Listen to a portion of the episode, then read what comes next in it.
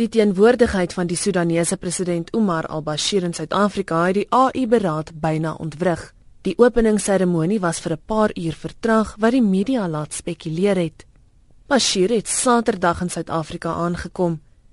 Die Suid-Afrikaanse Litigasiesentrum het Sondag 'n dringende aansoek by die Hooggeregshof gebring dat al-Bashir in hegtenis geneem moet word vir beweerde oorlogsmisdade en misdade teen die mensdom. Hy het egter Suid-Afrika gister verlaat.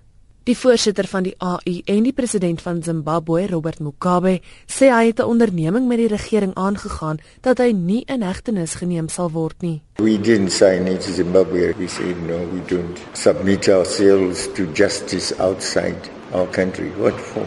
Even here, President Zuma was telling me that uh, it's one of the NGOs that uh, was used by outsiders, I'm sure, to go to court and present the case of uh. But he said, no, you will be arrested. You won't allow the police force here to arrest you. But then you go to court. It's not all the judges who think as we do. So you may get a judge who hates freedom fighters. President Mugabe sê hoewel individuele lande vrywillig die internasionale strafhof se ooreenkoms bekragtig het, sal die SADC-streek en die res van die kontinent dit moet oorweeg of dit nie 'n geleentheid is om bande met die internasionale strafhof te verbreek nie. This is not the headquarters of uh, ICC anyway. And we we don't want it in this region at all. And uh, there is the view now that we should we should distance ourselves from the ICC.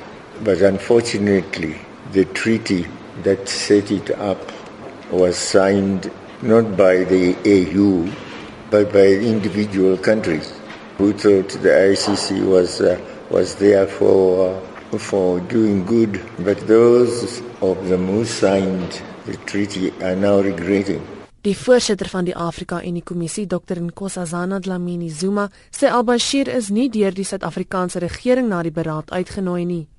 Sy hou vol dat alle leiers van die AU-lidlande toegelaat word om gebeure van die liggaam ongehinderd by te woon. The AU is an organization that has membership of almost all the African countries. And Sudan is also a member of the AU and they always attend, so I'm not sure what's the first to do. This venue, for instance, up to now, it's an AU venue, it's not a South African venue. And the AU has no real relationship with any organization. The ICC has state party. We are not a state party. The AU has no local stand in the ICC. So for us, there's nothing new. He's always attending our meetings. President al-Bashir is nou tuis en die regering gaan ondersoek doen oor die omstandighede waaronder hy die land verlaat het. We resolved and committed ourselves to abolish all ills based on cultural and religious practices, including early child marriages and gender-based violence. Mugabe sê ook dat vrede en sekuriteit in die kontinent prioriteit moet geniet. We resolve to continue pressing for dialogue where there are intrastate conflicts.